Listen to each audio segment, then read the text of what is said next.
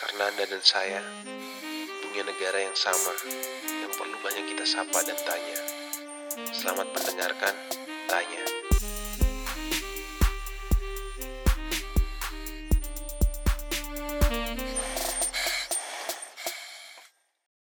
Hari ini gua mengajak teman gua nih di episode ke 9 dari podcast Tanya. Em, jadi sebenarnya gua ngajak teman gua ini nggak kita nggak rencana dari jauh-jauh hari gitu. Ini berawal dari kita DM DM-an di Instagram yang akhirnya kita sempat ngobrol. Dan dari ngobrolan itu gue melihat wah ini kayaknya ada topik menarik nih dari hasil obrolan kita. Nanti gue bakal jelasin lagi em, topik apa yang bakal kita bahas Eh, mungkin gue perkenalin dulu yang gue ajak ngobrol hari ini eh, namanya Alam. Nah mungkin Lam boleh cerita sedikit nggak sih apa eh, lu lagi sibuk apa gitu keseharian lu? Ya, eh, selamat malam. Namaku Alam, bukan adiknya Fiti Vera atau Mbak Dukun. Eh, ya, sehari-hari tinggal di Kalimantan Tengah, sambil ngajar, sambil dampingin petani, sambil dampingin eh, apa peternak, terutama ternak madu ya. Terus ya sambil cocok tanam juga karena sekarang lagi PSBB kan jadi eh, semuanya kegiatannya hanya di dalam rumah sekarang. Kegiatan utamanya berarti ngajar ya Lam ya? Iya, ngajar eh, ya memanfaatkan teknologi sekarang jadi ngajarnya dari rumah aja kan. Ini ya eh, online sekarang ya. Iya, online. Tapi ya kondisinya nggak mungkin nggak semulus di Jawa ya. Eh, eh, apa ya istilahnya di sini masih banyak juga eh, daerah-daerah yang daerah-daerah asal mahasiswa yang nggak kejangkau di internet, nggak Mhm. kejangkau internet yang jaringannya konsisten ya. Eh, ya sehingga ya paling nggak 100% online juga gitu. Jadi bis nggak hanya menggunakan satu eh, aplikasi aja gitu. yang paling tidak memakan kuota ya sekarang paling WhatsApp gitu. Jadi semua sekarang instrumen ngajar semua aplikasi digunakan. Oke. Nah, em, jadi gua dan Alam itu seperti yang gua cerita di awal tadi, awalnya itu eh, DM-DM-an di Instagram gitu kan. Nah, kemudian Alam ini sempat memention eh, kata eh, ekosida, ecoside. Nah, waktu itu gua waktu mendengar kata itu gue bener-bener tertarik banget gitu karena gue nggak pernah dengar sebelumnya, gue nggak pernah dengar per- eh, kata ecoside ini atau ekosida ini gua waktu itu langsung nyari juga di Google, gua langsung googling. Kemudian gua langsung bilang, "Lam, ini kayaknya menarik nih kita bahas di podcast nih." Nah, seperti biasa di podcast tanya ini gua selalu membuka dengan pertanyaan. Nah, kali ini pertanyaan gua adalah ekosida itu jahat? Apakah ekosida itu jahat atau enggak gitu? Nah, waktu gua gua nggak tahu teman-teman yang mendengarkan podcast ini apakah pernah mendengar ekosida ini atau enggak atau pernah mempelajari mungkin. Tapi gua kemarin iseng lam eh, coba gitu eh, buat polling di Instagram. Gua nanya gitu kan di Instagram ada yang pernah denger nggak? Pernah dengar? nggak usah tahu deh, pernah denger aja tentang ekosida gitu. Dan ternyata 70% lebih itu nggak pernah denger lam. Tidak pernah mendengarkan kata-kata tentang ekosida gitu. Nah kemudian kemarin juga gua eh, riset sedikit kemudian gua cari nih ekosida. Ada satu artikel menarik lam. Artikel menarik itu dia bilang bahwa bahkan ekosida itu atau ekoside itu nggak ada dalam kamus besar bahasa Indonesia. Nggak ada di dalam eh, istilah kata di bahasa Indonesia itu nggak ada tuh definisi tentang ekosida. Teman-teman mungkin yang mendengarkan boleh cari sendiri. Itu pasti teman-teman menemukan nggak ada. Dan gue penasaran kan, gue sempat nyari gitu kan ada tuh lam KBBI online gitu kan gue cari.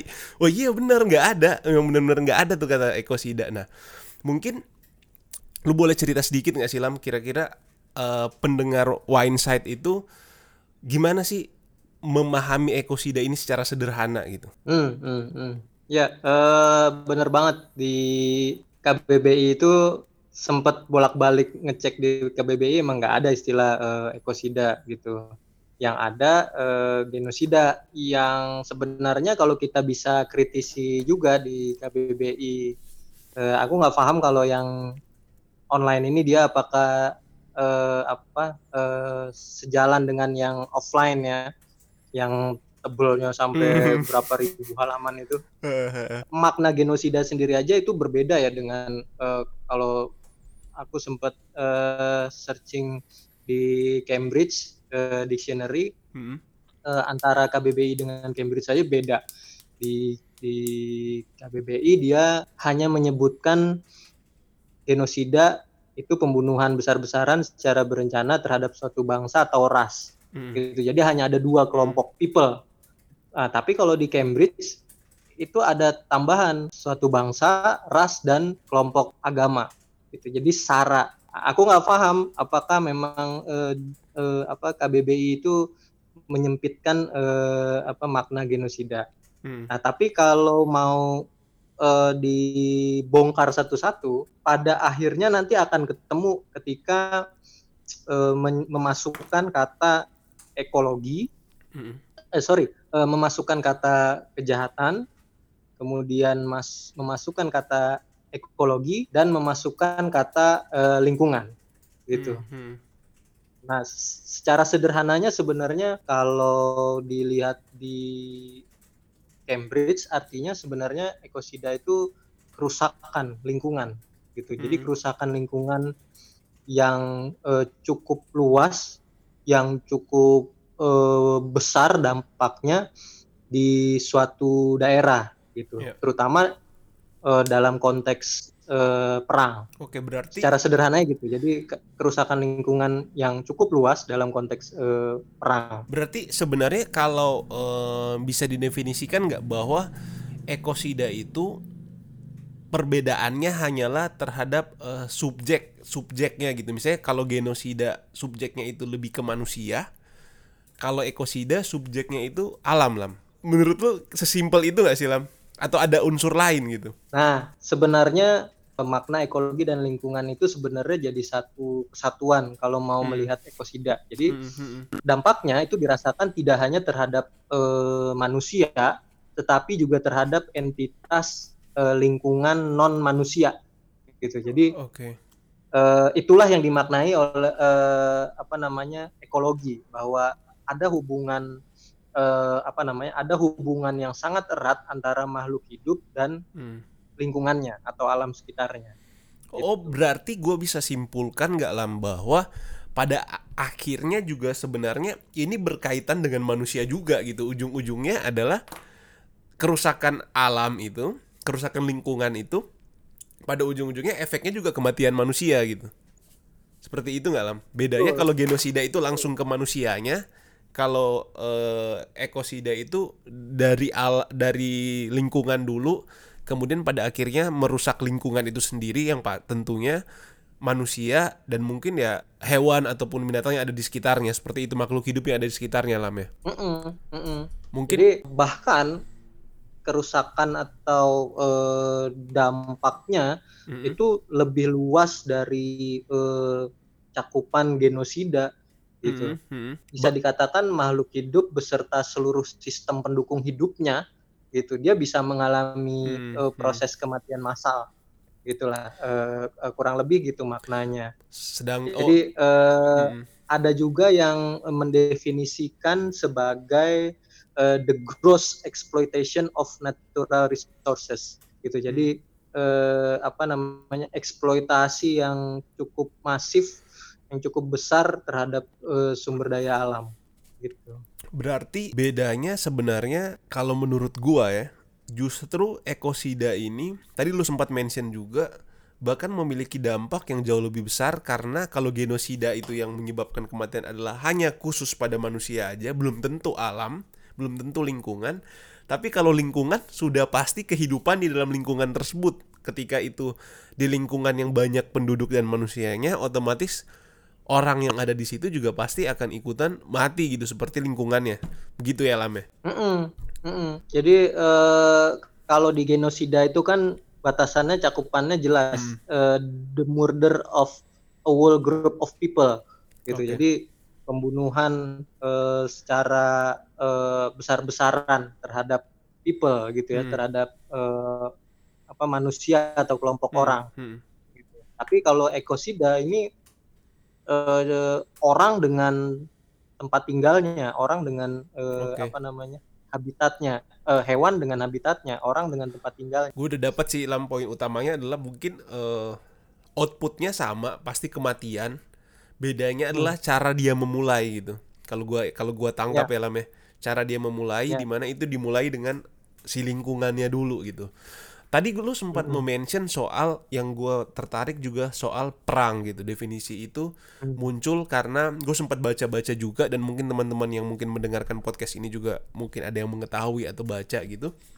Memang itu istilahnya muncul karena perang waktu itu di di Vietnam ya, lam ya kalau gue nggak salah ya. Di Vietnam kemudian mereka menggunakan uh, karena perang gerilya akhirnya menggunakan kimia gitu dan akhirnya merusak alam dan lain sebagainya.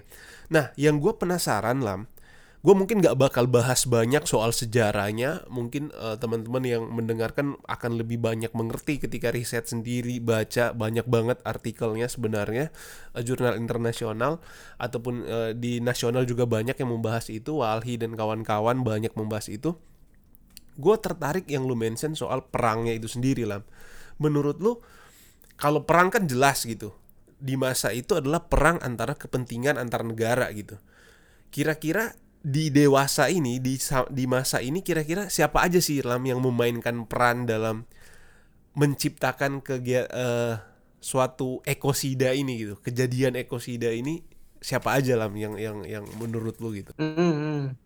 uh, kalau dalam konteks uh, perang hmm. itu kan jelas uh, aktornya adalah uh, terutama dalam konteks perang antar negara ya jelas hmm, hmm. aktornya adalah e, negara. Perkembangannya cukup menarik dan signifikan sampai hari ini bahwa kita bisa lihat eh, aktor-aktor e, di dalam perang itu sekarang udah semakin apa namanya semakin berkembang dampak apa e, korbannya atau e, penerima e, akibat, akibat dari kegiatan yeah. perang itu itu juga sekarang juga uh, tidak dari dulu ya sebenarnya dari dulu sampai hingga sekarang itu tidak hanya uh, manusia tidak hanya entitas manusia yang jadi korban tapi juga uh, lingkungannya gitu. Nah, hmm.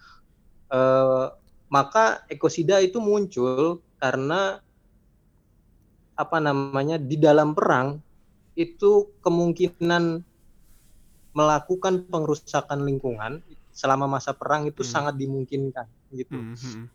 Uh, tadi sempat dijelasin uh, bahwa ekosida ini emang emang dulu di apa dimunculkan pasca uh, Amerika menggunakan uh, herbisida ya, herbicide gitu ya. Dampaknya itu tidak hanya di saat perang gitu. Jadi selama 10 tahun uh, menggunakan herbisida itu dampaknya tidak hanya dirasakan selama 10 tahun itu tapi bahkan dirasakan sampai hari ini itu di bagian terutama di bagian uh, Vietnam Selatan hmm. itu separuh uh, ekosistem mangrove-nya itu dia tidak tidak bisa apa dipulihkan gitu. Jadi memang uh, rusak total gitu. Nah itu itu sangat konteks kerusakan lingkungan yang terjadi pada saat di masa perang hingga eh, apa namanya hingga saat ini itu juga relevan dengan kondisi di uh, Indonesia sekarang gitu. Mm -hmm. uh, pada tahun 97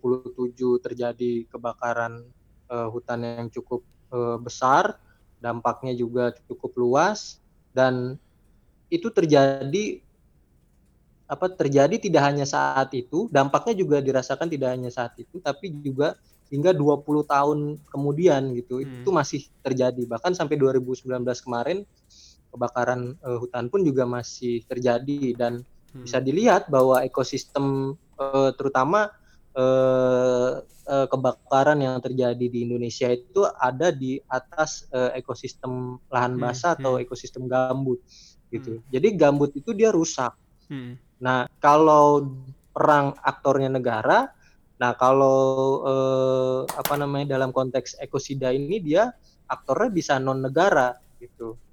Bisa individu, bisa konteks kebakaran hutan itu memang kebanyakan aktor non negara. Mungkin gue perjelas gitu. Yang lu maksud non negara ini korporasi bukan lah? Pembahasan korporasi ini atau multinasional korporasi ya terutama Hmm. MNC ini masih debatable sebenarnya. Hmm. Eh, kalau dulu eh, waktu apa namanya aku riset Mm-mm. sebenarnya eh, aku menempatkan eh, subjek eh, hukum internasional Mm-mm. dengan menambahkan eh, MNC atau multinasional korporasi gitu. Mm-mm. Ini sebenarnya di di para scholar hukum internasional masih masih pro kontra gitu. Ada Hmm. yang eh, di Indonesia pun pakar hukum internasionalnya juga masih eh, masih debatable gitu. Hmm. Ada yang eh, menyatakan bahwa ya MNC ini dia sebagai subjek. Iya.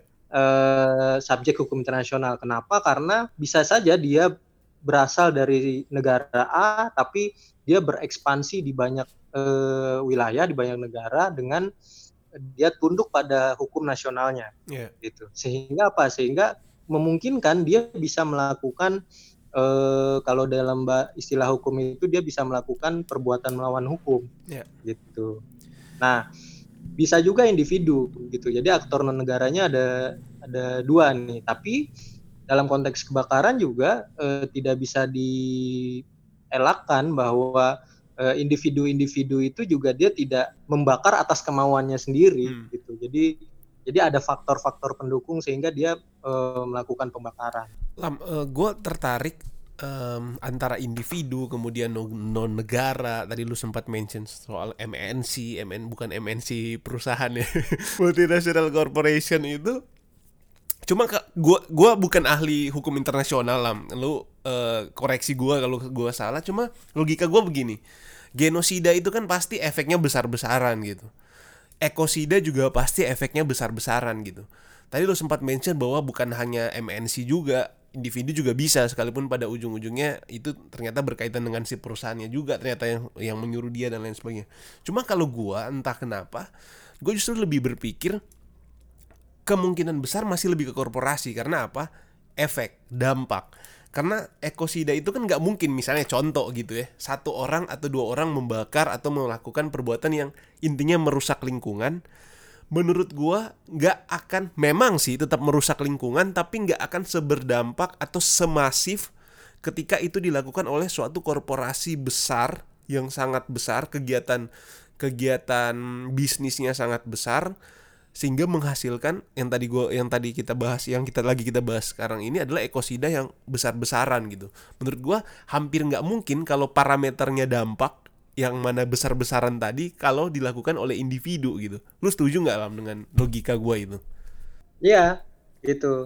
Nah, sehingga kalau melihat di realita di lapangan, Mm, sehingga individu ini mereka banyak yang mengalami eh, kriminalisasi mm, gitu. mm, Jadi terutama individu-individu eh, petani petani peladang ya di Kalimantan yang dia memang punya tradisi eh, membuka lahan dengan cara eh, membakar gitu. Itu pun sebenarnya eh, tidak sembarangan untuk melakukan pembakaran gitu. Jadi ada ritualnya, dia juga harus melihat musimnya mm. dan itu juga sebenarnya sangat ber, sangat berkorelasi dengan penjelasan di undang-undang eh, kita. Kita punya undang-undang 32 tahun 2009 ya di Mm, pasal eh, 69 Iya. ada batasan untuk ada pengecualian ya. Jadi mm, dalam membuka lahan itu memang diperbolehkan untuk eh, petani, peladang yang dia masih mempertahankan kearifan lokalnya mm, mm. eh, boleh membuka lahan dengan cara membakar dengan batasan eh, maksimal 2 hektar gitu. Mm. Karena memang di lapangan realitanya satu orang petani peladang itu ya kayaknya tidak akan mampu dia bisa membakar ribuan hektar gitu. Kalau bukan bukan terorganisir gitu ya. Betul, gitu. Satu hektar pun dia melakukan pembukaan lahan seorang diri itu udah luar biasa gitu. Artinya, nah sering kali eh, misalnya aja Mm, eh, sampai di bulan eh, Mei ini di tahun 2020 eh, ada tiga orang petani peladang di Kalteng yang dia juga eh, mendapatkan kriminalisasi. Eh, dia dituduh eh, melakukan kegiatan yang itu bertentangan dengan undang-undang eh, perkebunan gitu. mm, Nah, dalam konteks ini itu sangat terlihat sekali tuh bahwa regulasi kita, aturan kita atau peraturan perundang-undangan kita itu ternyata lebih tajam menyasar ke individu ya? kelompok individu terutama ke ke petani peladang tradisional gitu.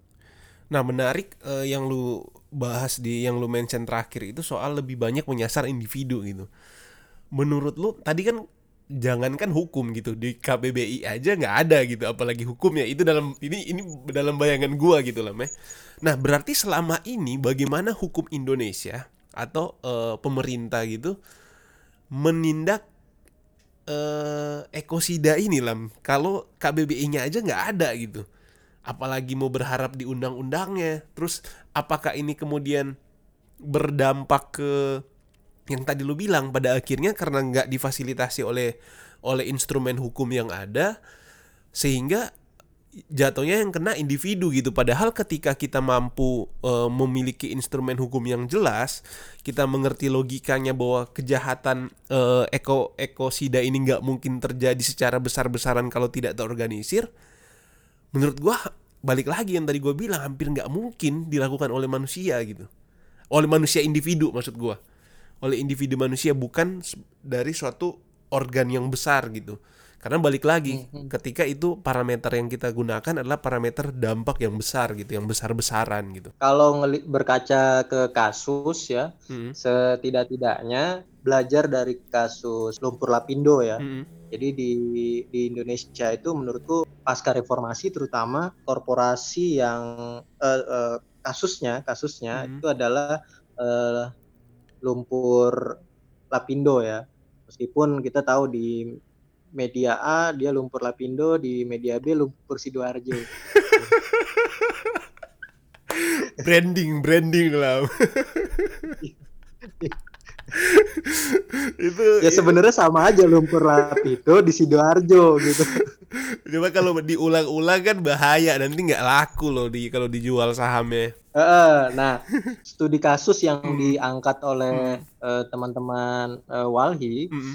itu setidak-tidaknya dalam kurun waktu eh, 20 eh, tahun terakhir mm -hmm. eh, yang pertama itu adalah kasus eh, lumpur lumpur panas Lapindo ya mm. itu bagaimana ketika hmm, sampai hari ini pun ya eh, kubangan apa lubangnya itu terus membesar ya bahkan nggak tahu tuh kita eh, eh, terakhir aku naik kereta ya ke Banyuwangi lewat eh, Lapindo itu masih bisa gitu tapi katanya dua tiga tahun terakhir kayaknya jalan rel keretanya udah di, dipindahin gitu hmm. kenapa e, karena terus meluas e, apa namanya e, kubangan lumpurnya itu udah kayak jadi ini jadi kayak waduk jadinya hmm. hmm.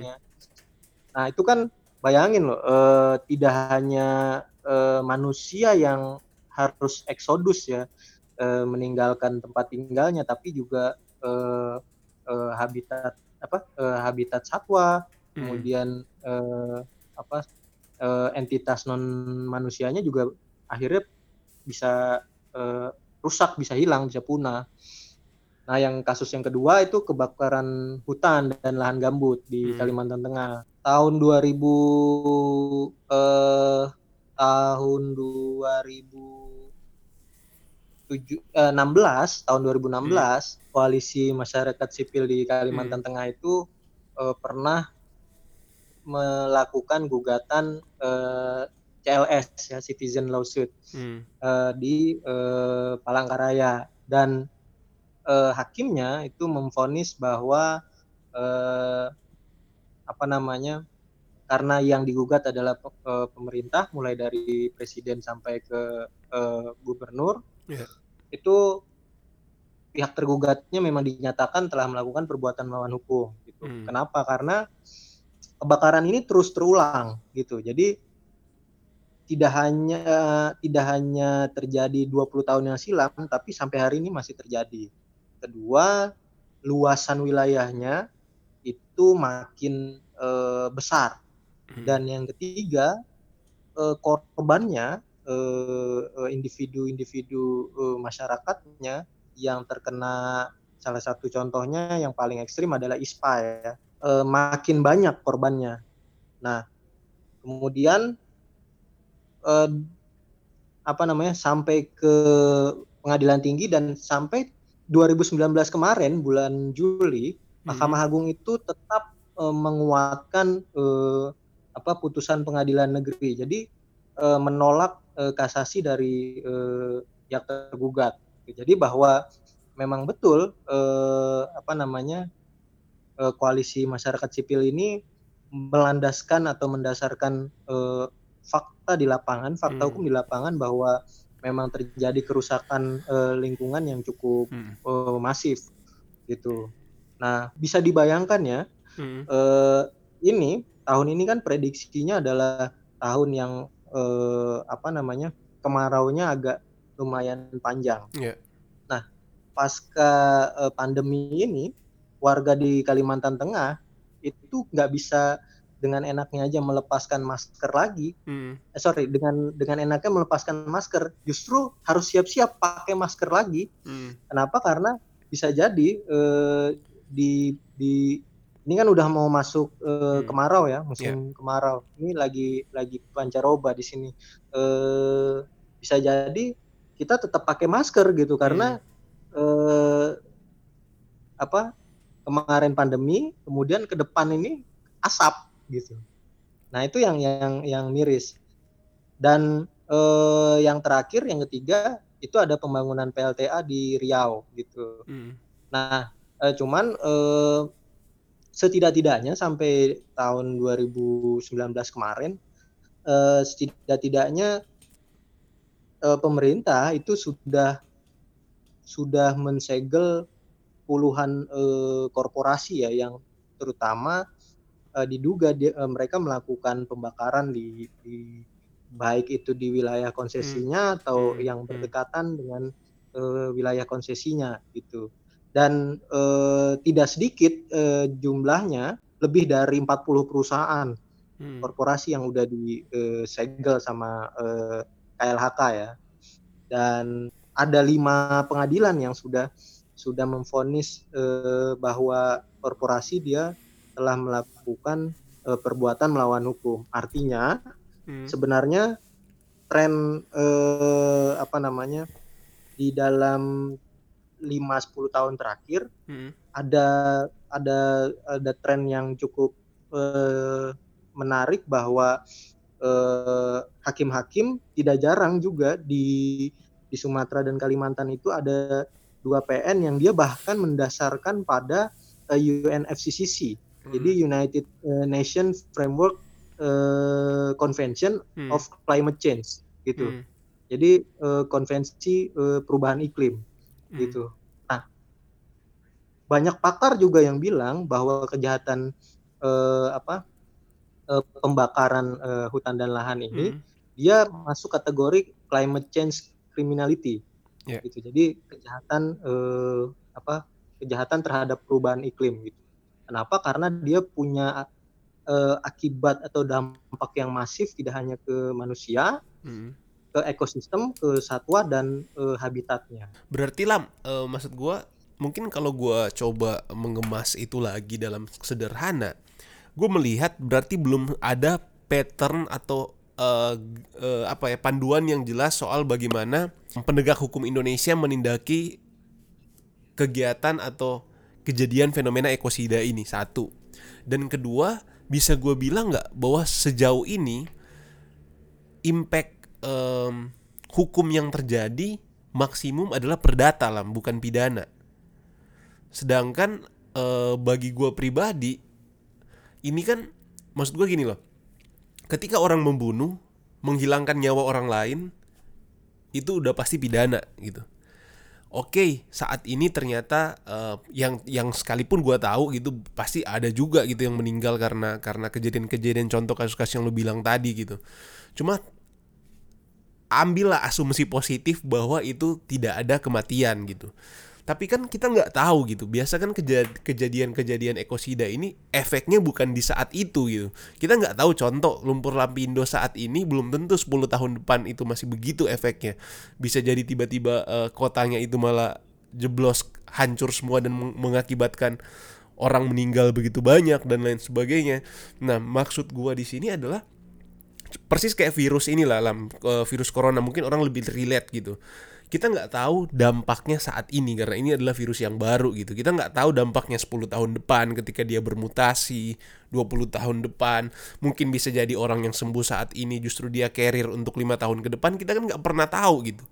Nah pertanyaan gua adalah menurut lu menurut lu sudah efektif nggak sih penerapan hukum di Indonesia yang hanya sejauh civil case atau perdata seperti ini gitu loh. Meskipun Bill Gates udah ngomongin eh, corona ini dari 2015 ya.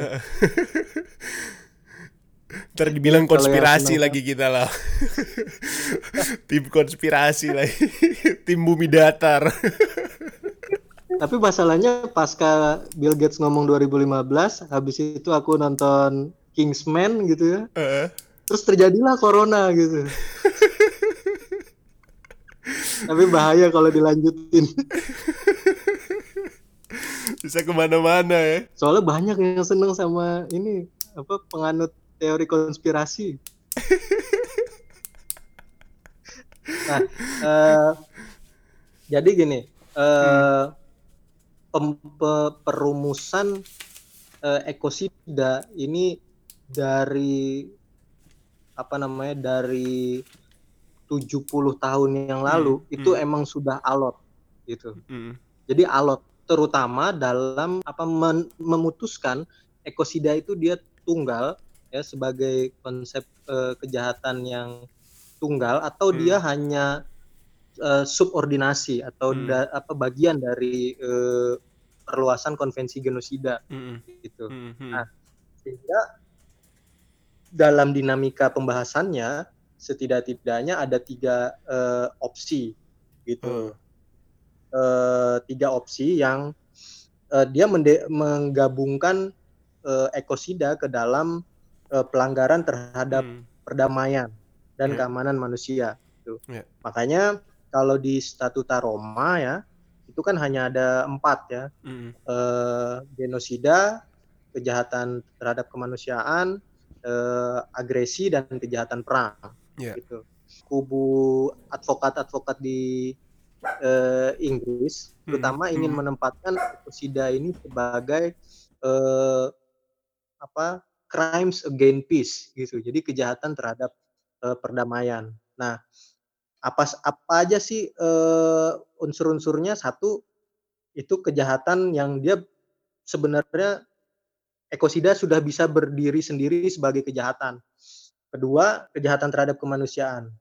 Dan ketiga, dia dimulai dari eh, atau dipicu dari eh, apa namanya? pengrusakan lingkungan dalam eh, perang atau Ya.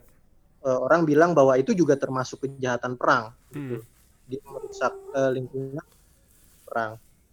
Nah, tapi Komisi Hukum Internasional eh, PBB eh, eh, waktu apa? Waktu 70 70 tahunan yang silam, Ya. mereka akhirnya mengambil keputusan untuk menghapus eh, kejahatan lingkungan ini, ya ekosida ini dari rancangan Statuta Roma, gitu. Jadi dia hanya eh, menyepakati bahwa ini mas, ini hanya bagian dari kejahatan perang Mm. gitu. Nah, padahal iya 70 tahun silam itu memang kondisinya eh, banyak negara menggunakan apa eh, senjata apa pun untuk merusak lingkungannya. Mm. Gitu. Jadi tidak hanya menyasar manusia, individu manusia, tapi eh, Lingkungan. lingkungannya juga. Tapi persoalannya Mm. setelah 50 tahun, 70 tahun kemudian Masih ternyata berdampak. Mm. eh, kondisinya itu tidak hanya muncul dari aktivitas perang gitu. Ya. Indo eh, itu bisa eh, apa lumpurnya keluar terus sampai hari ini bukan karena perang kan Ya. gitu. Kemudian kejahatan eh sorry apa kebakaran hutan eh, gambut di Hmm. Kalimantan Tengah bukan karena perang Ya. gitu. Dan pembangunan PLTA bukan karena perang Iya. gitu. Jadi eh, perkembangannya jadi dari yang aktivitas perang kemudian muncul nih ada aktivitas bisnis Mm. Gitu. Mm. Mm. Lapindo itu aktivitas uh, bisnis ya kan? Uh, uh, Lapindo Berantas ya kalau nggak salah ya yeah. uh, korporasinya. Kemudian uh, apakah regulasi kita cukup efektif? Nah ini yang yang jadi persoalan gitu. Uh, mungkin dari sekitar 40-an korporasi yang sudah disegel sama pemerintah ya kemudian yang sudah uh, difonis uh, dan terbukti melakukan uh, perbuatan melawan hukum, hmm. uh, ternyata eksekusinya itu juga cukup berat gitu. Masih banyak perusahaan-perusahaan korporasi yang dia tidak mematuhi uh, putusan uh, apa pengadilan dan nggak mau hmm. bayar dendanya. Jadi gitu. ibaratnya yang mau lu bilang adalah cat lu jangan berharap jangankan mau digeser ke pidana perdata aja belum bisa dieksekusi apalagi digeser per pidana gitu lah me bahasa lainnya ya. nah yang menarik justru nih ya yang uh, menarik uh. Uh, uh, belajar dari uh, sekarang ini lagi terjadi kriminalisasi di hmm. Kalimantan Tengah ya yang sebenarnya itu adalah uh, uh, kalau boleh dibilang sebenarnya adalah uh, sengketa perdata, kemudian hmm. akhirnya terjadi uh, apa tiga orang ini dikriminalisasi. Jadi gitu. pidana. Jadi ya? Ini ranahnya langsung ke pidana. Hmm. Hmm. Tapi itu lebih tajam menyasar ke individu petani peladang itu tadi. Gitu. Jadi uh, apa namanya? Uh, kayaknya tadi aku sempat searching uh, beberapa kasus eh, apa petinggi-petinggi korporasi kayaknya nggak ada yang nggak ada yang apa namanya nggak ada yang bernasib sama dengan petani peladang itu gitu. Hmm, paling denda ya pidana denda. Kalaupun pidana kayak pidana denda ya. Um, hmm. berarti bisa gue simpulkan nggak lam? Berarti dengan adanya mungkin nggak purely kekosongan hukum tapi mungkin belum di apa ya belum terlalu progresif gitu hukumnya untuk mengikuti perkembangan zaman gitu entah kah entah entah maksud maksud gue gini loh gue nggak mau berprasangka buruk entah hukum itu nggak yang yang memang nggak dinamis atau nggak didinamiskan. Gue gue gue gue gue nggak tahu tapi bagi gue sih bagi gue sih orang-orang hebat di sana itu yang yang um, tugasnya legislasi itu menurut gue orang-orang pinter dan gue yakin nggak mungkin nggak kepikiran gitu. Gue gue sih simple aja sih uh, logikanya. Cuma gue nggak tahu mungkin ada pertimbangan lain gue nggak tahu. Gue kita nggak bakal bahas sampai ke tahap itu. Cuma yang gue dapet uh, gue kayak lagi belajar di kelas gitu lah banyak informasi baru yang gue yang gue dapat berarti dengan kata lain penerapan hukum ekosida ini sebenarnya juga masih abu-abu lah meh. Uh, lebih makanya, le lebih banyak ke uh, penerapan di, hukum perdata perbuatan melawan hukum ya pasal kalau di anak hukum kan pasal keranjang sampah lah semua bisa dimasukin ke situ gitu lebih kayak gitu lah meh ya uh, makanya uh, diskursus tentang pembahasan ekosida ini uh, masih terus uh, jalan gitu mm -hmm. uh, artinya uh, memang butuh uh, apa namanya ya butuh e, mendudukkan banyak pihak untuk bilang bahwa e, ekosida ini bisa diterima e, oleh e, apa namanya e, sistem dan struktur hukum di e, Indonesia, Indonesia gitu. Tapi memang kalau mau dilihat ya hmm. makanya tadi aku bilang bahwa e, tidak sedikit juga hakim yang dia punya pengetahuan dan perkembangan uh, isu dan hukum internasional yang ada gitu sehingga dalam mendasarkan putusannya uh, dia memang betul-betul melihat rek finding tapi jatuhnya dia. Jadi dia melakukan ah, penemuan hukum ya berarti dia lamanya jadi lebih ke uh, penafsiran gitu. Jadi sebenarnya dia nggak punya dasar yang jelas juga gitu tapi dia memang diberikan hak untuk menafsirkan itu ya. Berarti kan cuma ya mm. cuma jatuhnya lebih ke inisiatif gitu loh ya, bukan sesuatu hukum positif yang yang jelas ada ada rambu-rambunya gitu. Lam, gue mungkin um, kayaknya kalau kita bahas hukum itu bagi gue itu bakal panjang banget sih. Dan dan dan apa dan nggak bakal kelar sih permasalahannya karena multi banyak faktor lah. Nah, setidaknya gue mendapatkan uh, satu benang merah dari uh, pembahasan tentang hukum di Indonesia dalam hubungannya dengan ekosida ini adalah setidaknya untuk kondisi saat ini di saat kita pengambilan podcast ini pun uh, yang menarik tadi lu bilang masih dalam proses diskursus itu dan masih dalam uh, belum ada batasan-batasan yang jelas gitu tentang ek ek ekosida ini sendiri. Nah, mungkin gue agak bergeser sedikit lah ke um, poin selanjutnya dari gue adalah uh, masih ada hubungannya sedikit tentang uh, dengan hukum. Gua waktu menyiapkan poin-poin podcast ini, gue sempat kepikiran begini lah. Kalau seandainya hukum pidana gitu, gue um, misalnya ada keluarga gue kecurian atau ada uh, keluarga gue atau orang yang gue kenal manusia gitu sesama manusia lah tiba-tiba dibunuh gitu. Maksud gue gue kadang juga dalam dalam dalam sebagai praktisi hukum juga kadang sekalipun bahkan nggak ada hubungannya keluarga gitu ketika lo mendengar orang wah dibunuh disik atau apa pun itulah kejadian pidana per, ataupun perdata ditipu dan sebaliknya pasti lo punya memunculkan uh, apa ya rasa uh, ingin membantu gitu rasa ingin membantu ingin involve ke dalam gitu. Ingin terlibat atau dalam konteks ini melakukan pembelaan gitu untuk menuntut wah ini harus harusnya jangan kayak gini ini bagi gue itu kan kayak common ini ya di bagi gue itu bawaan menurut gue hampir setiap manusia itu pasti punya natur itu gitu untuk merespon itu nah yang gue lihat saat ini adalah dalam hubungannya dengan lingkungan dan ini juga mungkin faktor uh, faktor utamanya menurut gue pribadi ya lamanya gue nggak tahu kalau teman-teman yang lain punya pertimbangan berbeda, tapi menurut gue adalah sering kali penerapan atau isu-isu lingkungan ini masih terasa jauh lah menurut gue ya, menurut gue pribadi karena orang merasa gue nggak relate langsung terhadap itu gitu. Gue nggak relate langsung, misalnya gimana ya? Contoh misalnya kalau gue dibunuh, dicuri, ya jelas gitu barang gue hilang. Tapi ketika ada ada es di di Antartika mencair, kemudian ada kebakaran di Kalimantan, hutan kebakaran, orang masih merasa itu isu sektoral gitu loh, bukan sesuatu yang relate langsung terhadap dia. Bagi gue itu sih yang yang yang apa ya, yang yang menjadi isu utama gitu. Gue nggak tahu apakah lu setuju atau enggak. Nah dari pemikiran itu akhirnya gue bergeser ke suatu kesimpulan sederhana gitu. Ketika uh, mungkin memang gue generalisasi sih gue gak gue nggak punya dasar data yang jelas soal itu.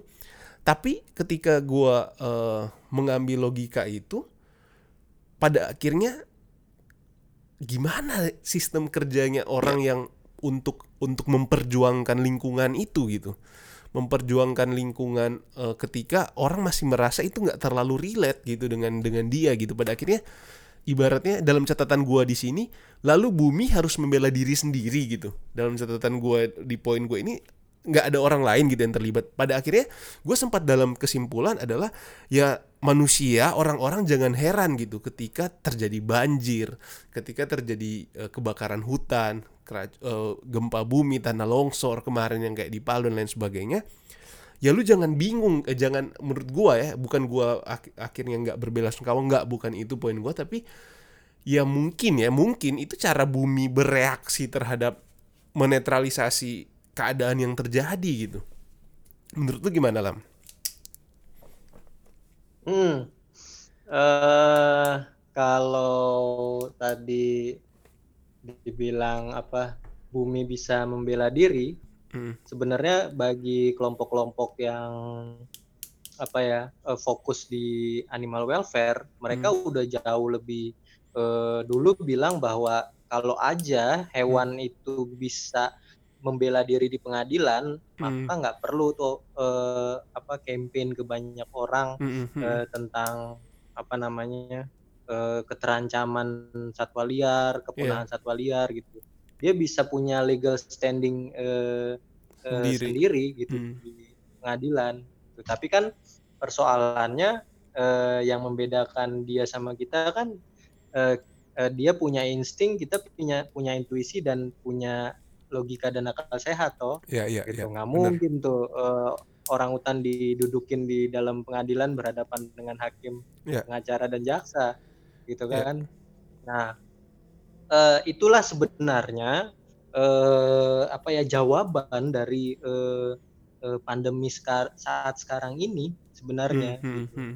bahwa eh, yang tadinya penyebaran eh, virus atau patogen itu hanya di dalam satu ekosistem aja, ya Hmm, kan? hmm, hmm. Nah, ketika ekosistem atau habitatnya terdesak, maka si satwa liar ini dia eh, ada istilahnya eh, zoonosis ya, Hmm, itu hmm. bahwa penularan eh, virus dari eh, satwa liar ke manusia gitu. Hmm, Nah, ketika habitatnya terdesak, kemudian eh, s- apa satwa liar ini eh, justru makin dekat dengan manusia, hmm, maka hmm. tidak bisa dipungkiri bahwa ya ya corona ini terjadi gitu. Ini untuk menjawab para penggemar teori konspirasi ya. Hmm, gitu. hmm, hmm, hmm. Eh, yang kedua sebenarnya dalam dalam eh, isu atau eh, permasalahan apa pun sebenarnya jika semua orang itu menyadari bahwa ada hak-hak eh, asasi manusianya, hak-hak individunya yang dijamin oleh konstitusi ya kan. Dan ada eh, individu atau lembaga atau institusi yang merampas hak-haknya, Hmm, maka eh, eh, menurutku nggak ada lagi itu batasan eh, isu sektoral atau masalah Hmm, hmm, yang eh, hanya ah itu orang kebakaran aja. hmm. Bahwa pada prinsipnya permasalahan kebakaran hutan dan pandemi corona ini sebenarnya ada hak atas eh, lingkungan hidup yang sehat yang sudah dirampas gitu. Nah, Dalam konteks kebakaran Hmm. Hah? Nah mungkin pertanyaan gue adalah ketika orang menyadari di titik itu, itu udah telat gak lah menurut lu? Ya, eh, ya menurutku, menurutku sih ya nggak ada nggak ada yang eh, apa nggak ada yang terlambat bahwa eh, eh, untuk merumuskan deklarasi universal HAM aja Hmm, eh, butuh eh, ratusan tahun ya. Hmm. Gitu. A- Amerika Serikat eh, demokrasinya mapan aja butuh ratusan tahun gitu loh. hmm, hmm. Nah, Eh, tapi paling enggak eh, yang ingin aku korelasikan dengan eh, konteks eh, terutama konteks eh, korporasi sebenarnya eh, sejak eh, apa namanya sejak puluhan tahun sejak belasan tahun yang lalu sebenarnya PBB sendiri dia mereka PBB sendiri sudah punya global eh, compact kok bahwa bahwa eh, bisnis dia Hmm. tidak lagi eh, eksklusif gitu. Jadi eh, penggunaan kata CSR itu udah nggak relevan lagi gitu. Jadi Hmm, hmm. bisnis-bisnis itu dia harus inklusif. Salah satu keinklusivitasannya dia mengimplementasikan perlindungan dan penghormatan HAM Hmm, gitu. hmm, hmm. Bahwa eh, apa namanya dalam kaitannya dengan eh, lingkungan hidup Hmm, eh, sektor bisnis dia punya tanggung jawab gitu terhadap eh, apa lingkungan dan hmm. dan komitmen itu yang harus di, eh, dijaga dan dijalankan gitu. Nah, ketika eh, terjadi apa namanya terjadi pelanggaran, maka eh, apa korporasi sebagai eh, entitas hukum dia tidak bisa lalai dan tidak bisa lepas tanggung jawab gitu. Nah, untuk menyadari itu kan sebenarnya eh, apa namanya kalau di dalam konteks ekosida sendiri sebenarnya eh, aktor atau eh, subjek hukum yang yang apa namanya yang paling berperan untuk mencegah ekosida satu eh, itu individu, Hmm, kedua korporasi emang hmm, gitu. hmm. Jadi ketika eh, individu sadar bahwa misalnya ya eh, ketika yang tadinya dia eh, apa eh, men- bisa leluasa mendapatkan ikan ya di sungai, Hmm, hmm. eh, kemudian dia tidak lagi membeli, eh, sorry tidak membeli air untuk minum, artinya kehidupannya dia menggantungkan uh, 100% pada uh, uh, lingkungan sekitarnya. Lingkungannya. Gitu. Ya, tapi ketika terjadi kerusakan ya dan dia harus membeli dia gitu. Ya? Iya, dia harus membeli uh, hmm. konsumsi ikan pun juga uh, cukup mengkhawatirkan gitu. Jadi di Kalimantan Tengah sendiri aja banyak ikan-ikan uh, yang dia mungkin nggak ada itu di di Jawa tuh nggak ada gitu ya. Jadi ikan hmm. itu cuma ada di sungai-sungai di Kalimantan gitu. Nah kondisinya sekarang uh, orang di kampung juga uh, apa eh, nggak uh, berani juga gitu untuk makan langsung ikan itu gitu. Kenapa bisa jadi uh, karena tercemar, ada ya? limbah-limbah mm -mm, tercemar, kemudian uh, itu bisa membahayakan akhirnya pada akhirnya bagi gue hmm, mungkin itu sedikit mengkonfirmasi lam yang gue bilang tadi adalah pada akhirnya orang nanti peduli ketika itu relate dengan dia gitu. Ketika itu berkaitan dengan interestnya dia langsung gitu. Nah menurut lo satu-satunya cara untuk men bagi gue gini loh.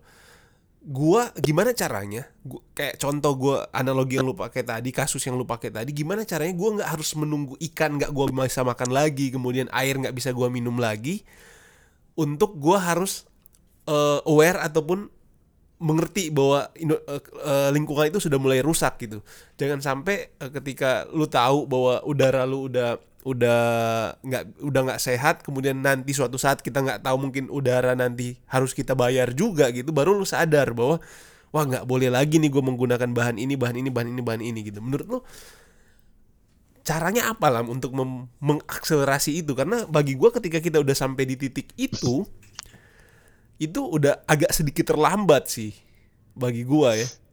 Dan yang dan mungkin poin kedua juga adalah soal hmm, gue melihat arah campaign saat ini gitu lah uh, gue nggak tahu apakah lu juga punya pemikiran yang sama tapi yang gue lihat ada terjadi sedikit uh, pergeseran gitu. Yang sebelumnya dulu logikanya adalah kita manusia mau menyelamatkan bumi gitu mau menyelamatkan bumi bergeser menjadi lu harus menyelamatkan kehidupan lu nih. Bumi bisa menyelamatkan dirinya sendiri. Kalau lu nggak berubah lu yang mati gitu. Bumi tetap gitu begitu aja gitu. Bagi gue ada pergeseran seperti itu dan dan gue lebih baik gitu. Ketika lu tahu ini bukan soal lu menyelamatkan bumi atau enggak tapi soal lu hidup atau enggak gitu. Nanti ke depan lu masih bisa berkehidupan di sini atau enggak anak cucu lu masih bisa berkehidupan di sini atau enggak gitu? Bumi punya caranya sendiri gitu untuk ibaratkan kalau di di dalam logika gua ya kayak komputer di restart di reinstall lagi selesai gitu gua nggak tahu apakah sesederhana itu cuma gimana lah menurut lu nah uh, aku jadi ingat uh, novelnya uh, Robert Harris hmm. uh, judulnya Pompei Hmm. Uh, itu juga ada filmnya ya. Jadi tentang uh, apa namanya uh, erupsi uh, Gunung Vesuvius di di apa di Eropa. Hmm. Uh, yang menarik ya deskripsi pendeskripsiannya uh, Robert Harris bahwa orang-orang uh, waktu itu yang tinggal di sekitar uh, kaki Gunung Vesuvius, hmm. mereka nggak tahu kalau uh, yang mereka tinggali itu adalah gunung berapi. Hmm, hmm, hmm. Satu itu.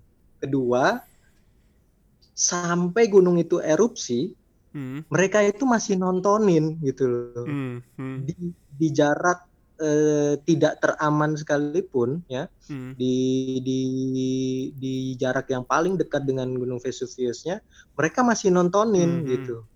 Mereka masih nontonin uh, bahwa e, mereka ini sebenarnya sedang tinggal di mana gitu loh. Mm. Kok ada ada api men, me, apa e, keluar dari dari daratan ya hmm. mereka dulu nganggapnya gitu ya daratan kemudian e, mereka baru sadar gitu ketika mereka ketimpa sama batu batu gunung Vesuvius uh. dan uh, uh, apa namanya uh, luapan erupsinya hmm. gitu jadi eh, panas lava pijarnya itu ketika ngenain badan mereka mereka baru tahu oh ini bahaya ya. Nah, akhirnya mereka rame-rame eksodus gitu loh. Jadi memang di situ ada korban ya kan? Tapi juga tapi juga ada juga yang selamat gitu Hmm. yang, yang selamat. Hmm. nah eh, itu terjadi di eh, apa di masa lalu yang yang jauh gitu dari per- Mhm. peradaban sekarang gitu Hmm. bahwa bahwa oh ya kalau udah ada eh, misalnya eh, gunung merapi erupsi kemudian ya kita langsung evakuasi diri gitu Hmm. nah tapi dulu bayangin ketika orang-orang di Malah Vesuvius ditontonin ini, ya? eh, ditontonin gitu Eh. sampai dipegangin gitu Oh, ini ternyata bahaya kalau dipegang gitu. Eh. terus akhirnya mereka menyelamatkan diri nge- Hmm. mengevakuasi diri. Nah, yang kulihat sekarang kondisinya nih sebenarnya eh, eh, eh, terutama konteks corona sekarang ya ini Eh. terjadi lagi gitu ya. harus Apa dikasih pelajaran dulu. rat- eh, 100 tahun eh, silam terjadi Spanish flu ya di Hmm. di Eropa, kemudian kok modelnya masih sama nih terjadi lagi sekarang gitu. Ha. Tapi setidaknya banyak orang dia mem- membaca literatur ya, Hmm. membaca sejarah eh, Spanish flu sehingga eh, tidak se- korbannya nggak sebanyak eh, Hmm. dulu Hmm. Hmm. waktu Spanish flu. Hmm. Tapi yang ingin aku eh, garis bawahi adalah sebenarnya apa ya bahasanya? ya, Kita baru bisa apa namanya? Kita baru bisa eh, dapat hikmah Hmm. ya, dapat hikmahnya Hmm. dari pengalaman langsungnya gitu. Hmm. Gitu. Jadi eh, misalnya kayak di di apa namanya? masyarakat kondisi di masyarakat sipil sekarang gitu ya. Hmm. Mereka sebenarnya terus eh, misalnya gini, kriminalisasi bukan hanya terjadi di tahun 2020 Hmm. gitu. Di 40 tahun, 50 tahun yang lalu udah terjadi gitu. Hmm. Tapi ternyata polanya kan berkembang terus Hmm. Hmm. Hmm. gitu. Benar. Nah, kemudian eh, kondisi apa? Kondisi alam juga berubah gitu. Nah, kamu bisa bayangin, Cat, eh, apa namanya? Eh, eh, Victor King itu dia Hmm. pernah pernah nulis eh, judulnya eh, Kalimantan eh, Tempo dulu. Hmm. Jadi di dalam deskripsinya dia dulu ketika Hmm. dia eh, nginjakan kaki, dulu ketika Belanda nginjakan kaki ke Kalimantan ya, Iya. dia bisa ngelihat eh, orang hutan itu dia berpindah-pindah berpindah posisi dari selatan eh, Pulau Kalimantan ke bagian utara Pulau Hmm. Kalimantan Hmm. eh, apa namanya eh, sekarang Brunei ya Brunei Oh, Darussalam ha, ha. orang hutan itu pindah apa eh, bergeser dari Hmm. selatan ke utara hanya pindah-pindah pohon Berarti nyambung gitu lah, Meh. nyambung dan itu eh, apa namanya kalau kita lihat eh, citra satelitnya ya Hmm. eh, apa namanya kondisi deforestasi di di Kalimantan Hmm. dan itu benar-benar terjadi gitu di bawah tahun 50 Ha. ya di bawah tahun 50 kondisi eh, hutan Kalimantan itu eh, boleh dibilang masih oke gitu Ha. dan itu bisa membenarkan eh, deskripsi yang digambarkan Victor King Hmm. Hmm. Hmm. tapi kenyataannya tidak sekarang gitu kondisinya ketika orang hutan aja dia harus terdesak Hmm. tuh ke apa namanya ke pembukaan lahan ke deforestasi eh, dan degradasi lingkungan sekarang gitu. mungkin yang bisa gua dapet dari eh, cerita lu tadi lam yang lu sharing itu mau nggak mau memang harus terjadi dulu gitu jangan-jangan gitu. Kalau gua kalau gua tangkap ya karena bagi gua campaign itu pasti akan mereduksi gitu dampaknya. Orang setidaknya akan lebih tahu gitu. Dan bagi gue yang bisa kita lakukan saat ini adalah pertama yang kalau mungkin orang yang sudah aware ya harus meminimalisir itu melakukan itu dan kedua adalah mungkin ya dengan kata lain ya berdoa dan berharap gitu. Ketika pembelajaran datang kita masih punya kesempatan memperbaiki diri gitu. Contoh kayak misalnya yang tadi lu bilang lu bahas eh, soal mention soal corona gitu. Jadi berdoa aja gitu ketika eh, corona ini selesai kita berubah. Nggak datang lagi corona corona satu corona dua corona tiga. Di mana ketika itu datang lu belum berubah lu nggak punya kesempatan kedua ketiga dan seterusnya gitu. Mungkin bagi gua yang lu jawab tadi eh, sangat masuk akal banget sih lam. Karena lu mengalami lah ya kayak logika umum lah. Ketika lu cuma mendengar cerita membaca itu kan oke bagus. Mungkin itu analoginya campaign gitu. Tapi ketika lu mengalami sendiri itu bagi gue guru yang terbaik sih. Iya nggak lah menurut lu? Bagi gue itu guru yang terbaik. Dan itu uh, masuk akal banget dan mau nggak mau sih harus kita harus kita terima ya. Berharap aja mungkin ada ke depan ada teknologi yang mungkin bisa melakukan simulasi. Gue nggak tahu juga kalau mungkin ada teknologinya juga. Tapi sekarang juga banyak sebenarnya kan video-video yang sangat mendukung untuk kita nggak perlu mengalami itu dulu tapi dia sudah memproyeksikan 5-10 tahun ke depan kalau pola hidup lu seperti ini. Oh ya gue inget cerita gitu. Ya bukan cerita kejadian nyata lupa gue waktu itu gue sempat ngobrol sama Catherine gue lupa di negara mana lah jadi dia sempat waktu itu uh, mendeklarasikan diri itu negara itu bahwa dalam kurang lupa gue eh, angka pastinya berapa gitu dalam kurang lagi kurang dari setahun lu akan kehabisan air gitu kalau lu nggak merubah pola konsumsi lu gitu. Dan ketika itu mereka pemerintah meng uh, mendeklar itu dan dia berubah pola konsumsi air mereka berubah gitu um, karena memang tahu berdasarkan data berdasarkan proyeksi itu benar-benar berubah dalam semua apa ketersediaan air akhirnya jadi seimbang lagi dan lain sebagainya. Dan mungkin ya kita berharap aja gitu teknologi nanti ke depan bisa memproyeksikan hal-hal seperti itu sehingga ketika kita nggak perlu lagi kayak lu bilang tadi kayak contoh yang di novel yang Pompei yang tadi bahwa nggak perlu sampai benar-benar kejadian dulu yang mana kemungkinan besar akan ada korban dari dari ketika itu harus terjadi dulu kan. Menurut gua menurut gua sih itu sih kalau dari gua.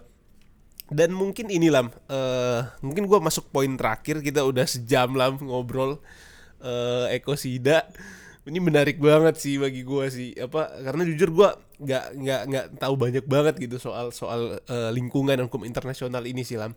Nah mungkin poin terakhir um, dari ya mungkin orang tahu lah kayak si Greta Thunberg kan itu tiba-tiba kayak uh, jadi terkenal banget sekalipun sebenarnya banyak orang yang bilang itu udah over ini gitu over banyak sebenarnya aktivis-aktivis lain yang sebenarnya lebih lebih banyak juga menyuarakan tapi nggak menjadi tapi bagi gua itu itu itu uh, minornya lah isu minornya tapi setidaknya target mereka sama gitu. Ada poin menarik dari uh, yang gua kutip di sini di catatan gua itu dari uh, pidatonya dia gitu dia bilang bahwa simpelnya adalah manusia saat ini gitu pengusaha dalam konteks ini punya pemikiran you only live once gitu. YOLO. Otomatis lu akan memanfaatkan sebagaimana mungkin waktu lu ketika lu hidup. Itu yang gue tangkap dari dari kutipannya dia ini gitu. Otomatis lu bakal mengeksplorasi bahkan mengeksploitasi sebesar-besarnya kemampuan lu, resource lu untuk da dalam bisa diterapkan di dalam hal apa pun gitu, dalam bisnis, dalam usaha yang kemungkinan besar itu berkaitan dengan keadaan lingkungan hidup itulah. Menurut lu, lu setuju nggak kalau pemikiran ini toksik banget dan parah banget dalam dalam konteks ekosida ini lah? Ya, uh, um, uh, satu hal yang perlu diperbaiki sebenarnya hmm. di di uh, Indonesia sebenarnya dalam konteks uh, pendidikan uh, lingkungan atau pendidikan konservasi ya, hmm. Hmm.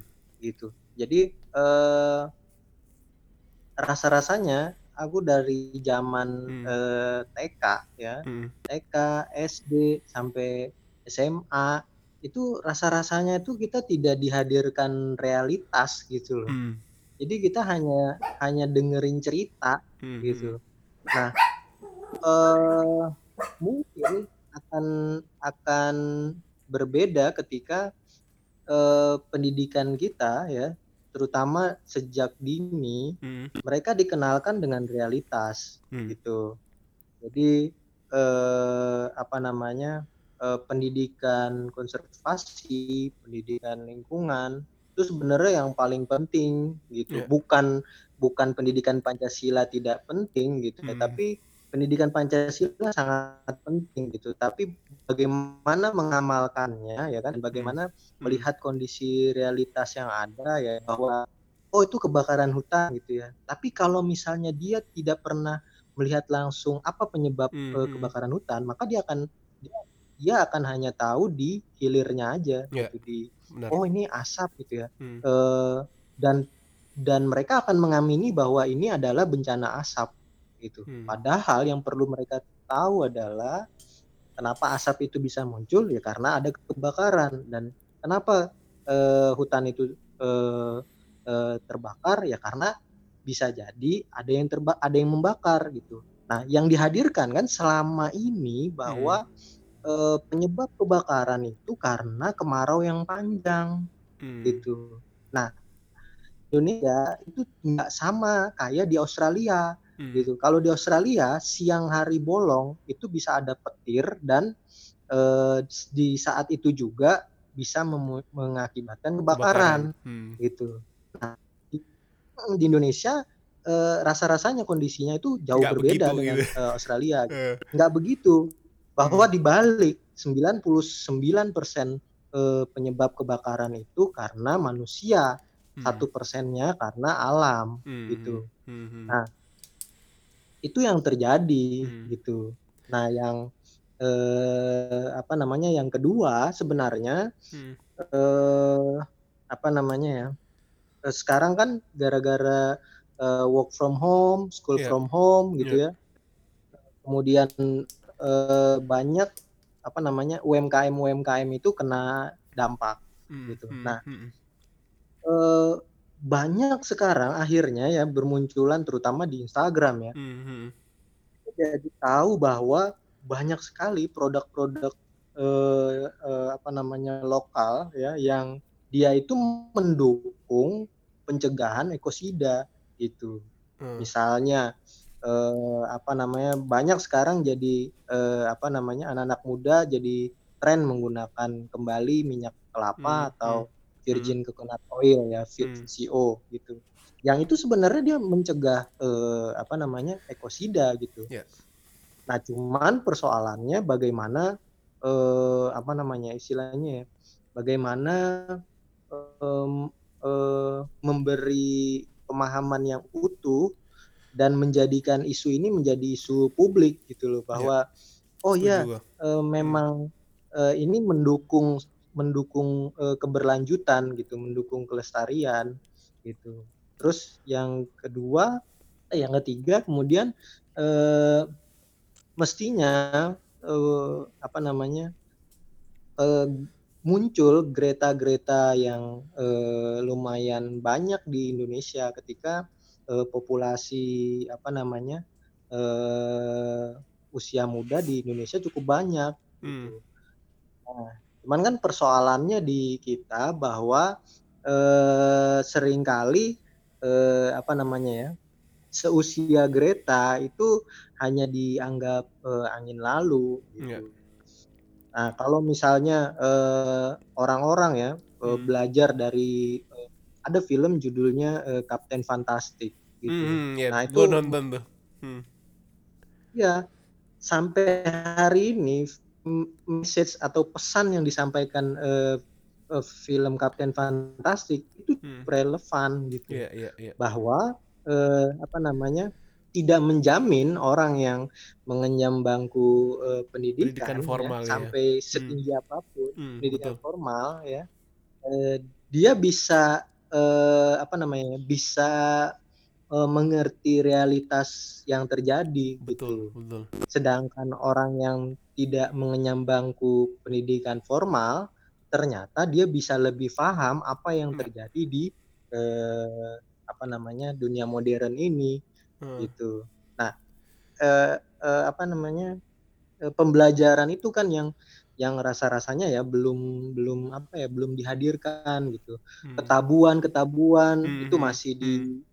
Masih jadi momok gitu loh. Yeah, yeah. Kebayangkan loh misalnya eh, apa namanya contohnya ya eh, eh, waktu itu kalau nggak salah ada eh, apa mahasiswa UI yang dia hmm. ngasih uh, kartu kuning di hmm. pidatonya uh, Pak Presiden yeah. tempo hari gitu. Kalau uh, kita uh, apa namanya mengaca pada kasus Greta ya, hmm. Greta bahkan lebih ekstrim dari yang dilakukan oleh mahasiswa UI gitu, hmm. Hmm. hmm. ya kan? Dia bisa bisa ngomong apa aja di forum uh, pemimpin dunia gitu Ya, ya, dan dia ya. nggak diapa-apain gitu Eh, dia nggak diapa-apain benar benar benar. kenapa karena orang-orang yang di situ udah sangat sadar bahwa ya itu adalah hak eh, untuk menyampaikan pendapat gitu kebebasan berekspresi harus dijunjung tinggi gitu Hmm. nah tapi kan beda mahasiswa UI akhirnya diamankan coy Kalau bahasa ka- kalau bahasanya di sini itu kebebasan berekspresi dengan batasan. Dengan- itu itu itu aja udah udah udah kontradiktif gitu. Be- bebas dengan batas. bebas dengan batas katanya sih ya itu ya yang selalu orang bilang lah. Jangan sampai kebebasan lu mengganggu kebebasan orang lain wah itu kayak aduh itu gua nggak tahu ide datang dari mana gitu ya memang sih agak masuk akal banget tapi biasa politisi sih yang ngomongin itu. Nah ini, ini menarik lam yang yang yang yang lu omongin tadi. Lu sempat mention soal banyak tadi lu senggol banyak banyak banget tadi lam. Gue nggak mungkin bahas satu-satu kayak dari sisi politis dari sisi politik kebebasan berpendapat kemudian eh, budaya orang Indonesia kemudian produk gitu-gitu. Ada satu yang gue tertarik contoh soal lu bilang eh, produk yang ramah lingkungan gitu atau produk produk yang em, apa ya mengantitesis dari ekosida inilah untuk untuk meminimalisir terjadinya ekosida dan lain sebagainya. Nah itu kan biasanya itu kan em, di saat ini cost produksinya kan kan lebih besar gitu loh daripada eh, fast industri gitu. Contoh misalnya baju yang ramah lingkungan pasti jauh lebih mahal saat ini. Gue nggak tahu ke depan saat ini daripada baju yang lahir dari fast industri gitu yang yang diproduksi secara massal gitu. Bahkan revolusi industri pun lahir karena itu gitu kan lu mau meningkatkan produktivitas gitu efisiensi kemudian produktivitas waktu intinya untuk cuan lah untuk untuk untuk untuk keuntungan yang sebesar besarnya dengan effort yang sesedikit sedikitnya gitu intinya biaya yang lebih besar gitu pertanyaan gua bagaimana ini menjadi relevan lam untuk untuk untuk kita gitu terutama anak muda kemudian nggak usah nggak juga anak muda gitu semua orang gitu. Bagaimana itu menjadi relevan ketika industri atau hal-hal di sekitar kita itu memang yang disodorkan itu sangat tempting gitu loh lam sangat menggoda banget gitu loh.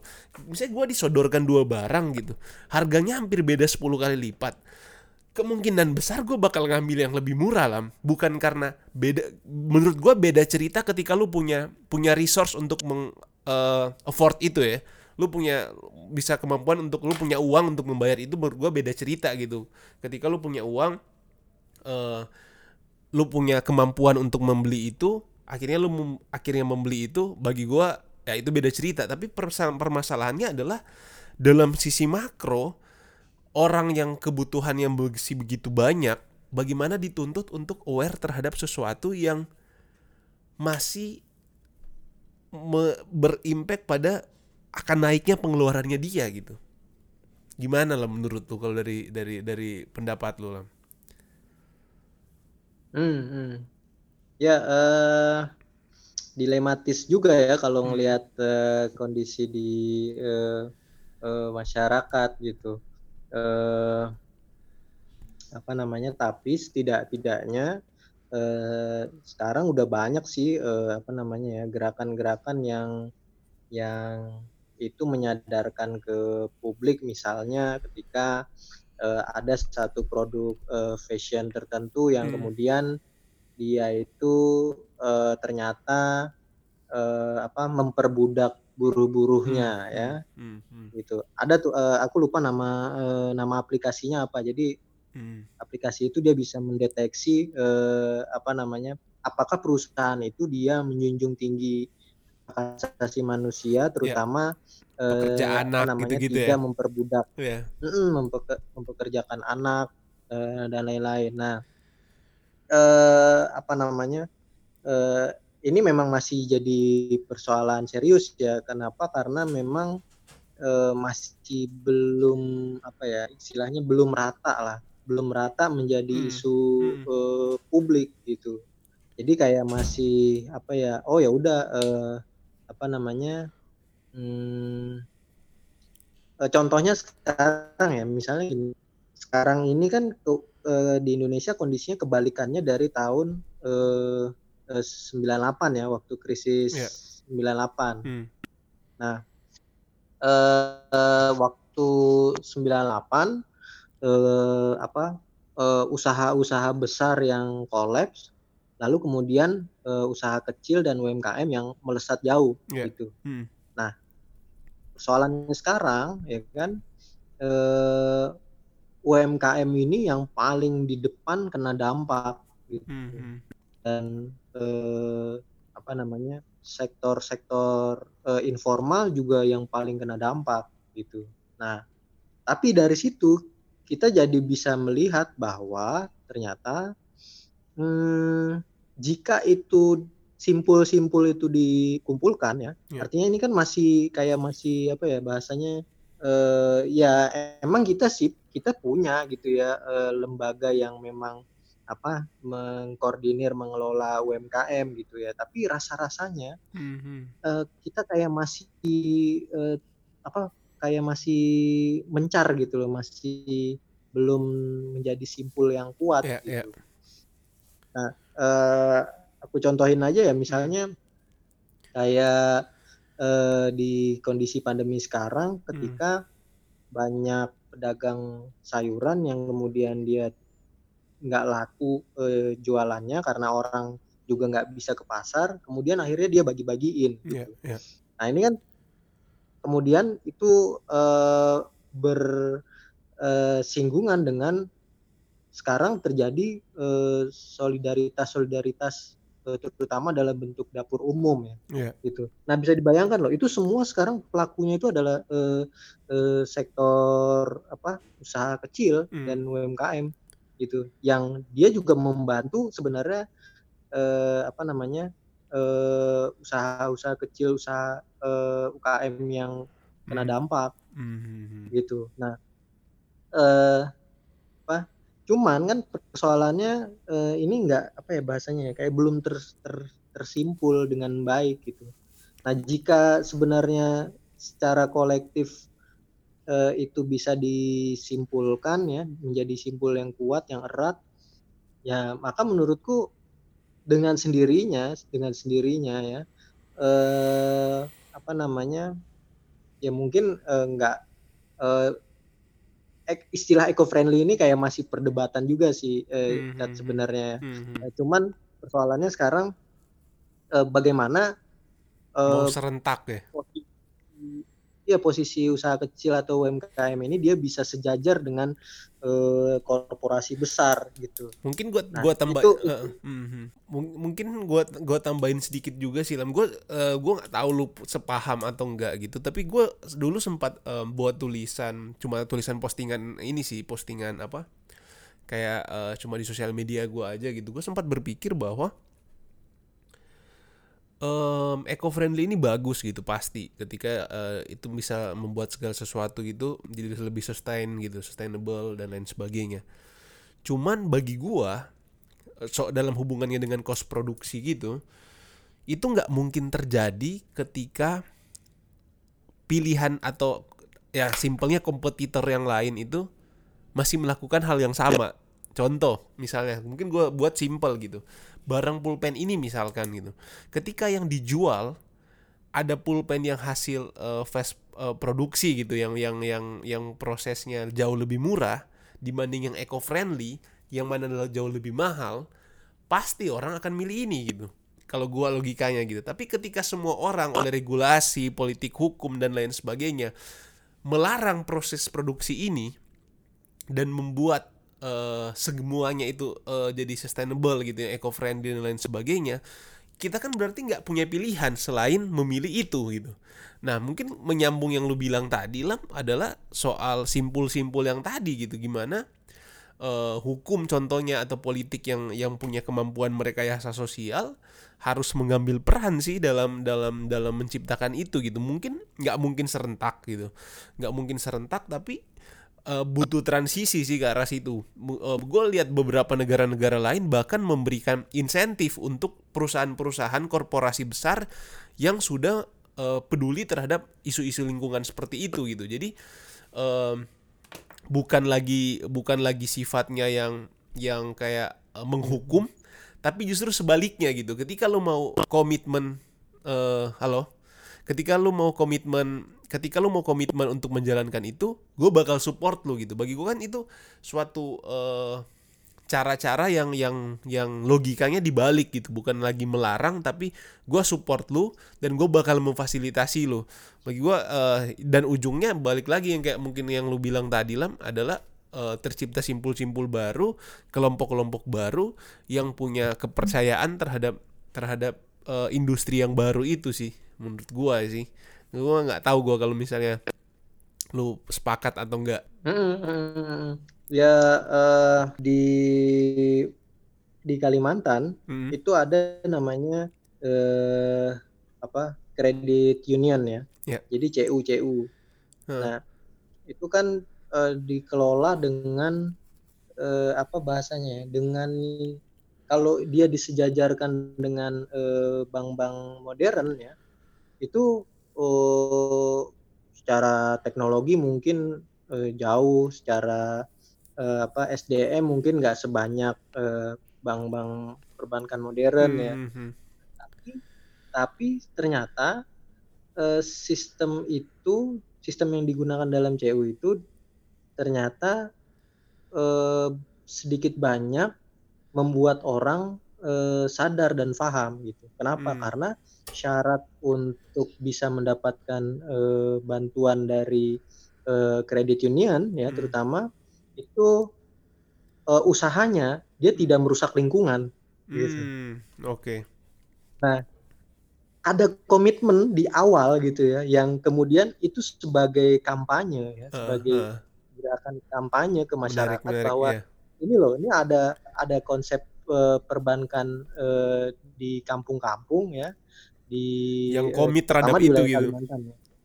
Hmm, dia akan uh, CU dia akan memberi pinjaman kepada pelaku usaha dengan syarat usahanya itu dia tidak merusak lingkungan. Hmm, gitu. Keren keren keren. Itu di Kalimantan lan, Lam. Kalimantan. Udah banyak itu. Ini ya maksudnya uh, cabang-cabangnya gitu di di daerah-daerah. Itu dikelola oleh swasta, Kabar. Lam. Dikelola oleh masyarakat. Oh, masih kayak model koperasi gitu ya? Wah keren sih, gue baru tahu tuh. Nah justru justru uh. mereka itu menjalankan mandat konstitusi, coy. keren keren keren keren. Pasal 33 uh, uh. Ya, gitu. ya, itu jadi Padahal jadi, kalau ditanya uh, kalau ditanya belum tentu mereka tahu isi pasal 33 itu. Tapi dihidupi gitu ya, konstitusi yang yang yang yang bukan hanya tertulis tapi dihidupi gitu. Ibaratnya itu kan living law gitu. iya living constitution. Menarik menarik sih. Dan itu benar-benar kejadian nyata lah ya. Bukan bukan benar-benar kejadian gitu. Itu gue baru tahu sih dan informasi baru banget itu. Um, mungkin ya um, mungkin ya kayak almarhum Bung Hatta juga sih mungkin ya prinsip ekonominya ya. Uh, apa kayak kebersamaannya juga. Mungkin memang ada unsur unsur uh, ekologinya eh ekono uh, apa uh, lingkungannya juga bagi gue yang lumayan yang keren banget sih. Dan mungkin terakhir mm. lam um, kita udah satu setengah jam. Mungkin terakhir ini lam gue penasaran banget dari dulu. Gue dulu sempat ada di masa gue mempelajari kayak uh, konsep ekonomi negara dunia lah kayak uh, makro gitu secara makro gitu. Nah salah satu yang menarik adalah tentang uh, kapitalisme gitu. Tentang liberal kapitalisme itu kayak ibaratnya konsepnya gitu kayak segitiga gitu kan. Ada yang paling terkenal itu konsepnya segitiga gitu. Bahwa memang kekayaan itu akan numpuk di atas. Kekayaan itu akan numpuk di atas karena dibawa dipekerjakan sedemikian rupa numpuk ke kelompok orang tertentu gitu yang di atas cuma kapitalisme itu akan selalu punya caranya untuk menurunkan itu kembali ke bawah. Salah satunya dengan hadirnya filantropis filantropis itu. Itu uh, kalau gue nggak salah uh, pernah dimention juga sama uh, Adam Smith gitu yang tentang itu. Gue lupa istilahnya apa gitu ada istilahnya.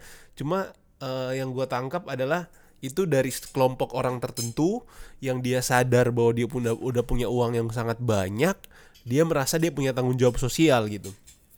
Nah menurut lu ini kan agak kontraproduktif dengan apa yang Greta bilang gitu. Greta bilang ya lu nggak boleh dong uh, kayak egois dalam tanda kutip egois kayak bener-bener mencari uh, apa yang lu mau gitu kesukaan lu. Misalnya bisnis lu lu buat sedemikian besar semenggurita di mana-mana gitu tanpa lu mikirin orang lain gitu nah itu gimana lah lu menyikapi hal itu? Pada tapi gue melihat juga gitu kayak contoh Bill Gates uh, Jeff Bezos semua uh, Warren Buffett yang yang punya foundationnya sendiri gitu untuk membantu uh, membantu orang-orang yang kena penyakit dan lain sebagainya. Itu gimana lah ini agak agak apa ya agak kadang gue masih mengganjal juga sih di kepala gue gitu gue pengen diskusi gitu menurut lu gimana lah menyikapi itu kalau uh, di Amerika itu kan yang paling terkenal si Bloomberg ya hmm. uh, sebagai filantropis yang uh -uh. akhirnya banyak diadopsi dan di uh, copy paste sama politisi-politisi di Indonesia tuh. Uh. Uh, pebisnis jadi politisi dan hmm. berujung ke filantropis. Uh -huh. Atau dibalik, pebisnis, filantropis untuk jadi politisi. yang pasti gak jadi politik dulu ya. Tapi kadang Indonesia politik dulu lah, baru baru jadi apa pebisnis. Karena dari situ dia dapat jaringan-jaringannya ya. Ah, lanjut lanjut lam terus terus. Nah, uh, ada tulisan menarik dari hmm. Bang Rida Saleh ya. Jadi hmm, dia hmm. pernah nulis uh, kapitalisme dan akar ekosida hmm. gitu. Nah, uh, di situ yang poin penting yang yang aku garis bawahi adalah sebenarnya uh, cara pandang uh, apa namanya eh, prinsip produksi dan reproduksi kapitalisme ini dia menjadikan sumber daya alam sebagai eh, objek produksi hmm. gitu jadi dia hanya sebagai objek produksi semata nah di situ kalau bang Rida eh, menggunakan istilahnya ini sebenarnya vandal gitu loh hmm. jadi hmm. eh, justru dia bisa menghancurkan eh, dan merusak sumber daya alam hmm. gitu bisa dibayangkan ya. Hmm. Uh, aku ngambil contoh aja ya, misalnya uh, uh, apa namanya uh, yang punya usaha minyak kelapa atau VCO hmm. ya. Hmm. Bayangin dari dari dua keturunan di atasnya hmm. sampai tahun 2020 sekarang, hmm. ternyata uh, apa namanya yang itu udah berjalan mungkin puluhan bahkan ratusan tahun hmm. ya. Ternyata dia masih apa ya bahasanya masih eksis kok gitu. Dia masih tetap tidak apa ya bahasanya tidak merusak lingkungan sekitarnya yeah, gitu. Yeah. Mm. Meskipun mm. ya sampai hari ini terus diproduksi gitu.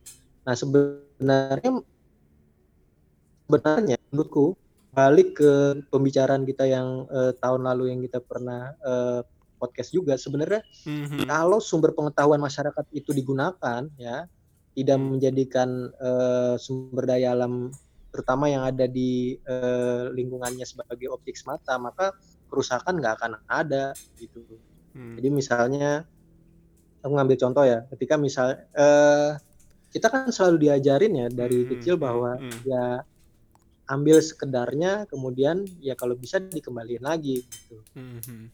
atau kayak lagu yang terkenal adalah hanya memberi tak kembali. Nah, al yeah, yeah. alam ini kan dia hanya memberi gitu, dia nggak yeah. nggak berharap kembali gitu.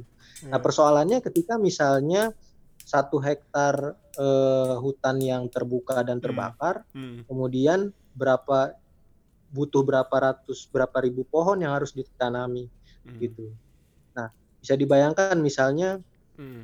uh, apa namanya ketika uh, ekosistem hutan dan lahan gambut terbakar yang di situ ada pohon ulin ya uh, untuk menumbuhkan pohon ulin bisa tinggi sampai uh, apa namanya tinggi sampai puluhan meter itu butuh ratusan tahun cat yeah. gitu bayangin loh dia dari bibit untuk mm -hmm.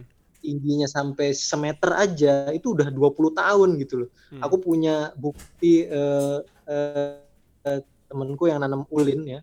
Dia nanam di tahun 2000, kemudian di tahun 2020 ini itu baru belum ada sepinggangnya dia gitu. Ya untuk menumbuhkan eh, jadi misalnya dalam asumsinya Hmm. ketika satu hektar hutan dibuka ya kan kemudian sampai hari ini kan eh, tidak pernah ada tuh perhitungan eh, berapa pohon ulin yang dibuka Hmm. ya kan berapa kemudian pohon-pohon yang itu menjadi eh, leluhurnya masyarakat adat Hmm. dan Iya. kemudian berapa pohon yang itu eh, apa namanya eh, jadi eh, ya masyarakat kan menggantungkan hidup pada pohon itu kita atau pada sumber daya eh, alam itu Nah, Hmm. Eh, itu yang nggak pernah di, dihitung tuh gitu nah eh, ketika misalnya eh, apa namanya kayak yang sekarang Kalteng apa sedang diwacanakan untuk Hmm. eh, pembukaan eh, lahan pertanian 900 ribu iya. hektar ya Hmm. yang sebenarnya ini juga dulu pernah dilakukan bahkan cuman selisih 100 ribu hektar aja satu juta hektar gitu kan. dan itu gagal ya Iya, iya. gagal dan eh, apa namanya dia menjadi penyumbang dan faktor penyebab kebakaran hebat sampai Besar. 2019 Hmm. di kebakaran terus berulang di wilayah itu. Nah, eh, sebenarnya simple kok ketika misalnya pengetahuan em, apa eh, masyarakat eh, lokal Hmm. ya eh, di di apa ya bahasanya diajak untuk berpartisipasi ya. Artinya dia tidak dipinggirkan gitu. Jadi partisipasi masyarakat itu ada. Dia akan akan menjadi apa bahasanya ya, menjadi sumber pengetahuan utama gitu Iya, iya. misalnya masyarakat uh, di Kalteng dia itu tahu dia bisa membedakan mana lahan yang dia eh, mana gambut yang ketika dia bu, di, dibuka kemudian cocok untuk eh, Hmm. apa dilakukan pertan lahan pertanian gitu mana yang yang dia nggak cocok. Hmm. gitu nah ini kan pengetahuan ini nggak pernah didengarkan gitu jadi apalagi ketika misalnya eh, dalam konteks korporasi besar dia hanya me- apa namanya menanam eh, apa proyek yang monokultur misalnya Hmm. yang hanya satu eh, eh, apa satu tanaman aja nah Hmm. bisa jadi eh, itu nggak sesuai gitu loh Iya. itu nggak sesuai Hmm.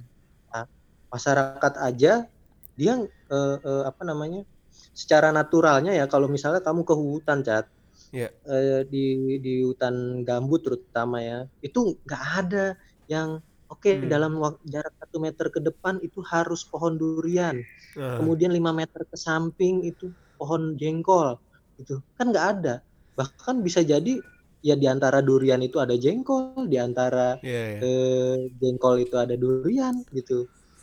Nah, dia kan secara natural gitu. Tapi ternyata eh, manusia dengan teknologinya ya, kemudian eh, apa namanya eh, industri kapital yang eh, hanya apa menjadikan sumber daya alam sebagai objek itu justru melakukan kalau bahasanya Bang Rida tadi melakukan vandalisme gitu iya. dengan dengan apa ya udah ini eh, yang tadinya dia nggak cocok dipaksa ditanam. Nah, aku jadi inget eh, apa namanya novelnya eh, Tosca Santoso gitu. Hmm. Hmm. Jadi judulnya itu eh, Sarongge. Hmm. Sarongge itu dia hutan hutan berhantu. Iya. Nah, eh, di di novelnya Sarongge itu eh, dia hanya hanya ada satu chapter ya dia menceritakannya. Jadi gini, ini yang menarik di Indonesia. Waktu dulu aku riset Hmm. untuk mendapatkan fakta tentang eh, dampak proyek lahan gambut sejuta hektar itu luar biasa susahnya gitu. Hmm. Jadi eh, eh, ketika aku dapat novel itu, Hmm. kemudian dan aku cocokkan di lapangan di, di realitasnya di lapangan, ternyata sinkron bahwa dulu waktu orang-orang dikirim untuk gambut ini ya, yang bukan orang aslinya, ya kan. Ini kan konsepnya skemanya sama dengan yang sekarang akan dilakukan nih. Eee, perhitungannya ketika 900.000 hektar butuh 300.000, eee eee, pekerja gitu atau petani. Nah, ini kan berarti kan orang asli, orang apa, orang asli atau orang lokal ini akan terpinggirkan tuh. Nah, eee, dulu waktu, eee, apa namanya, rezim, eee, Orde Baru itu memaksakan PLG, eee, dibuka di Kalimantan, orang-orang yang dikirimin tuh sebenarnya bingung gitu loh, "Loh, tanah ini apa?" Padahal pengetahuan dia di di wilayah sebelumnya, di kampungnya dia sebelumnya, tempat asalnya, eee, dia ini udah paling jago untuk, eee, bisa apa namanya, eee, melakukan bercocok tanam, melakukan kegiatan pertanian gitu. Nah, eee, apa namanya, sampai pada akhirnya ketika waktu itu, eee, Pak, eee, apa namanya, Pak Harto datang ke Kalimantan, orang-orang di di apa, di proyek PLG itu kebingungan tuh. Mereka udah nanam tapi gagal. Akhirnya mereka datangkan dari kampung sebelah ya, eee, apa, hasil-hasil pertaniannya ditanam di wilayah yang gagal itu, hanya sekedar supaya, eee, Pak Harto nggak kecewa sama, eee eee, orang-orang yang dikirim itu. Nah, setelah Pak Harto balik lagi ke Jakarta, tanaman itu dikembalikan lagi gitu, dan itu kegaga iya, kegagalan itu sampai sekarang kamu kalau ke Kalimantan, kamu bisa lihat gitu. Itu lokasi yang dibuka itu gagal dan I dan itu dan ternyata ya sejarahnya istilahnya ABS itu kayaknya, Lam. Hmm. Sejarah Gitu. asal Bapak senang dari situ juga kayaknya, Lam. Iya. Padahal sebenarnya orang orang-orang asli di situ udah bilang gitu, "Kalau bisa jangan dibuka di di wilayah yang itu," gitu. Kenapa? Karena ya ya udah pasti nanti bakal gagal gitu, tapi kan ternyata nggak diindahkan, gitu. Nah, itu yang jadi apa ya, kalau aku bilang kalau bicara soal, eee, kapital dan, eee eee, industri dalam skala besarnya, ketika dia hanya menjadikan sumber daya alam sebagai objek, ya kerusakan yang ada di depan mata. Berarti bisa gua simpulkan mungkin balik lagi ke manusianya, Lam. Pilihan sih menurut gua ya. Karena kalau misalnya kita melihat mungkin lebih ke moralitas, nggak tahu juga sih, lebih ke balik lagi sebenarnya udah kita rang mungkin gua rangkum sedikit Lam dan, dan terakhir di di pertanyaan terakhir ini yang gue tangkap adalah balik lagi ke manusianya gitu. Pada akhirnya ketika lu jadi pengusaha atau lu jadi korporasi, pemimpin korporasi ataupun lu individu di dalam yang terlibat di dalam situ adalah itu pilihan lu bakal mungkin em, dan dan kacamata apa gitu yang lu pakai. Tadi gue sempat berpikir bahwa ketika orang menjadi memikirkan bisnis yang peduli terhadap lingkungan, dia akan memikirkan bahwa oh berarti peluang pendapatan gue berkurang gitu karena kos produksi gue yang lumayan tinggi gitu. Misalnya contoh kayak tadi lu sempat mention gitu bahwa pada akhirnya nggak ada juga kok bisnis yang dia menjalankan bisnis tapi tetap peduli lingkungan gitu. Mungkin orang lain akan berpikir wah nggak bisa gue kalau misalnya kayak gitu pendapatan gue yang darinya 100 jadi 30 misalnya jadi 40 cuma balik lagi sih ketika dia menggunakan kacamata income mungkin itu akan terlihat seperti itu gitu tapi ketika dia melihat kacamata kehidupan lu di jangka panjang mungkin akan berbeda bagi gue karena nggak apa artinya gitu? Lu dapat uang sekarang terus pada akhirnya uang lu itu nggak ada artinya ketika tanah lu eh, anak cucu lu dan lain sebagainya udah nggak punya kehidupan juga gitu. Nggak ada nggak ada artinya. Balik lagi soal ke prioritas apa gitu sih sebenarnya kalau yang gua tangkap ya lam. Pada akhirnya orang akan selalu dihadapi dengan pilihan A dan B A dan B gitu. Lu mau eh, menggunakan parameter apa gitu lu menggunakan ukuran apa gitu. Kurang lebih sih yang gue tangkap seperti itu lam untuk untuk poin yang terakhir ini. Dan secara menyeluruh yang gue dapat juga adalah bahwa ekosida ini memang sering menjadi isu yang tidak kita sadari padahal udah di depan mata. Mungkin simpelnya se- seperti itu gitu. Sering eh, udah ada di sekitar kita tapi nggak kita sadari gitu. Nanti ketika itu sudah sudah kita rasakan langsung dampaknya baru kita sadar gitu bahwa ini menjadi permasalahan. Dan mungkin lah eh, sebelum mengakhiri podcast kita ini ada gak sih eh, kesimpulan gitu atau yang dari diskusi kita hari ini gitu yang yang yang mau lu sampein gitu? Untuk untuk merangkum semua pembicaraan kita tentang ekosida ini. Eh mungkin aku akan eh, membacakan apa ya bahasanya hmm, diskursus yang dibukukan oleh Walhi ya. Jadi Ya. eh, eh, Walhi dia membuat eh, publikasi berjudul Ecocide eh, memutus impunitas eh, korporasi gitu. Iya ya. Jadi ada ada pernyataan yang bisa di, di dicetak tebal ya Hmm. bahwa metabolisme manusia dan alam itu seharusnya terjadi secara wajar Mhm. di mana kemampuan alam ya mengasupi kehidupan manusia secara alamiah dia mempunyai batas natural. Oke. Nah, konsep celah metabolisme antara modal dan alam ya yang tadi kita udah panjang kali Hmm. lebar jelasin Hmm. eh, diskusikan yang memandang alam sebagai komoditas modal yang kemudian diakumulasi secara berlebihan ini apa namanya bisa menjadi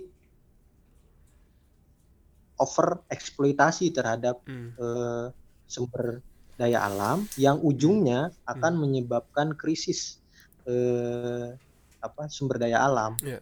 gitu. Nah, krisis ini dicontohkan eh, bahwa kecenderungan kecenderungannya ya kapitalisme itu dia melanggar batas alam dan melanggar ritme alami alam dan yang paling parah dia terjadi pelanggaran yang mendasar terhadap kondisi alam oleh Hmm. karena eksploitasi terhadap alam yang secara masif Iya. gitu. Hmm. Jadi mungkin itu yang eh, apa namanya yang perlu di eh, diingat-ingat kalau Iya, iya. ngomongin soal ekosida. Jadi apa ibaratnya mungkin kayak orang tadi dia sempat bilang metabolis metabolis gitu. Jadi sebenarnya udah natural, udah seimbang, jangan sampai obesitas mungkin ya. Kalau simpelnya begitu jangan sampai obesitas jadi penyakit udah selesai gitu. Lam, eh, thank you banget Lam udah udah apa? Udah sampai malam nih gua sama Alam sekarang eh, apa lagi pas tag podcast ini udah jam berapa nih? Udah jam 10 malam gitu di di Kalimantan berarti. Dua jam ya. Iya udah mau dua jam Lam kayak biasa mungkin gua di akhir podcast gua Gua buka dengan pertanyaan Selalu di podcast tanya ini Gua tutup dengan pertanyaan juga Lam Pertanyaan yang sama juga sebenarnya Jadi menurut lu ekosida itu jahat? Ekosida itu jahat. Oke Oke berarti kita em, terjawab gitu ya di episode 9 ini. Menurut lu ekosida itu jahat berarti ya. Oke Lam thank you banget. Em, yang sudah mendengarkan pun juga eh, terima kasih. Kalau teman-teman em, merasa bahwa podcast ini bermanfaat teman-teman bisa mendapatkan sesuatu mungkin gua atau alam juga mungkin ada kekurangan ada yang mungkin nggak kita sampaikan ataupun keliru atau nggak berkenan mohon dimaafkan. Tapi kalau teman-teman merasa bahwa podcast ini bermanfaat apa yang kita omongin tentang ekosida ini berguna dan perlu dibagikan perlu disebarkan teman-teman boleh membagikan itu ke rekomendasikan ke teman ke sahabat ke siapa pun orang-orang di sekitar kita. Dan teman-teman bisa mendengarkan dan men-share podcast ini melalui eh, Instagramnya Wineside atau juga di channel eh, podcastnya Wineside ada di Spotify ada di- juga di Apple Podcast dan Alam juga punya punya podcast nih apa Lam podcastnya Lam Podcastnya namanya Enjoy the Law. Enjoy the Law itu khusus hukum Lam ya Belajar hukum dengan santai dan menyenangkan. Sudah. Keren tuh kemarin gue sempet denger dan eh, waktu itu bahas yang orang di larungin di ini ya, lam ya di laut ya. itu itu sangat informatif banget dan untuk orang. Dan itu sebenarnya nggak harus nggak harus orang khusus hukum juga lah ya. Orang di luar hukum pun mau mendengarkan masih gue denger kemarin masih masih nggak nggak roaming kok menurut gue ya. Masih masih bisa yang penasaran mungkin dulu pas kuliah mau kuliah hukum nggak dikasih sama orang tua atau gimana. Ini bisa didengerin tuh di podcastnya alam Nah, paling itu aja. Thank you banget yang sudah mendengarkan. Thank you banget Lam. Sampai ketemu di episode selanjutnya. Oke. Okay. Thank you, Chat.